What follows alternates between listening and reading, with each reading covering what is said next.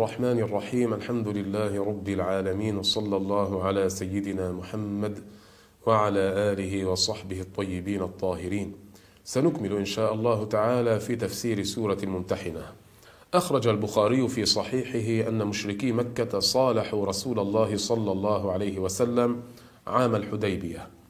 فكان فيما اشترط سهيل بن عمرو أنه قال للنبي صلى الله عليه وسلم لا يأتيك منا أحد وإن كان على دينك إلا رددته إلينا وخليت بيننا وبينه. فكان لا يأتي رسول الله صلى الله عليه وسلم أحد من الرجال إلا رده في تلك المدة وإن كان مسلما. يؤمر بالثبات على الإسلام ينهى عن ترك الإسلام لكن يرد إلى مكة. وجاءت المؤمنات مهاجرات. فكانت أم كلثوم بنت عقبة بن أبي معيط ممن خرجت مهاجرة إلى رسول الله صلى الله عليه وسلم فجاء أهلها يسألون رسول الله صلى الله عليه وسلم أن يرجعها إليهم حتى أنزل الله تعالى في المؤمنات ما أنزل.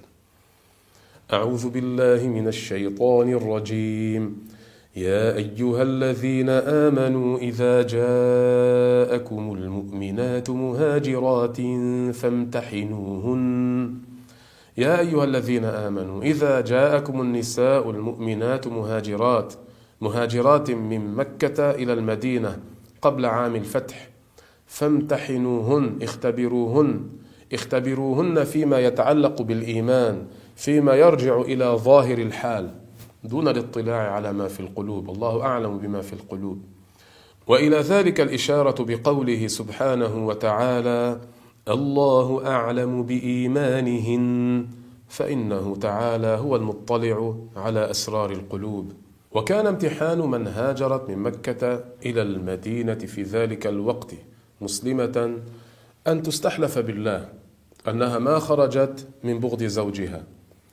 ولم تخرج لأجل طلب الدنيا ولا عشقا لرجل من المسلمين بل خرجت وهاجرت حبا لله ولرسوله صلى الله عليه وسلم.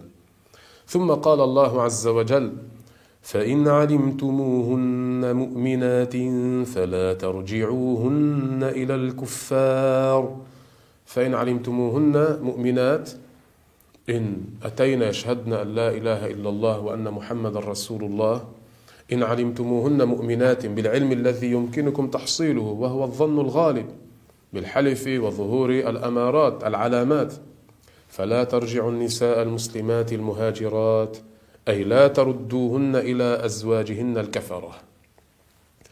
لا هن حل لهم ولا هم يحلون لهن لا هن حل لهم أي لا يحلون لهم وانعقد التحريم بهذه الجملة. وجاء قوله تعالى ولا هم يحلون لهن على سبيل التأكيد وتشديد الحرمة وهذه الآية نص قاطع على تحريم زواج المسلمة من الكافر. ثم قال الله عز وجل وآتوهم ما أنفقوا أي أعطوا أزواجهن الكفار ما أنفقوا عليهن من المهور. بعض العلماء قال الحكم في رد الصداق أي المهر إنما كان في نساء أهل العهد. فأما من لا عهد بينه وبين المسلمين فلا يرد عليه الصداق. ولا جناح عليكم أن تنكحوهن إذا آتيتموهن أجورهن. أي لا حرج عليكم أيها المؤمنون أن تنكحوا هؤلاء المؤمنات المهاجرات اللاتي لحقن بكم من دار الحرب مفارقات لأزواجهن. إذا آتيتموهن أجورهن أي مهورهن فإن الإسلام فرق بينها وبين زوجها الكافر. ولا تمسكوا بعصم الكوافر. العصم جمع عصمة وهي سبب البقاء في الزوجية الكوافر جمع كافرة. المعنى من كانت له امرأة كافرة بمكة فلا يعتد بها فليست له امرأة فقد انقطعت عصمتها. فهذا نهي للمؤمنين عن أن يكون بينهم وبين الزوجات المشركات الباقيات في دار الحرب علقة من علق الزوجية. واسألوا ما أنفقتم وليسألوا ما أنفقوا. واسألوا ما أنفقتم. اطلبوا أيها المؤمنون من الكافرين ما أنفقتم على أزواجكم من المهور. والمعنى إذا ارتدت امرأة أحدكم ولحقت بدار الحرب فاسألوا مهرها ممن تزوجها منهم. وليسألوا ما أنفقوا. أي وليسأل الكفار ما أنفقوا. من مهور أزواجهم. أي يقال للمسلمين إذا جاء أحد من النساء مسلمة مهاجرة ردوا إلى الكفار مهرها. وذكر بعض العلماء أن هذا الحكم مخصوص بذلك الزمان وفي تلك النازلة خاصة. ذلكم حكم الله يحكم بينكم. ذلكم الحكم المذكور في هذه الآيات هو حكم الله فإنه الحق. لأن الله لا يحكم بالباطل. والله عليم حكيم. ثم إن الكفار لما أبوا أن يقروا بما أنفق المسلمون على أزواجهم أي أبوا أن يعملوا بالحكم المذكور في الآية وهو أن المرأة إذا جاءت من المشركين إلى المسلمين مسلمة لم يردها المسلمون إلى زوجها المشرك بل يعطونه ما أنفق عليها من المهر وكذا بعكسه. فامتثل المسلمون ذلك وأعطوهم وأبى المشركون أن يمتثلوا ذلك.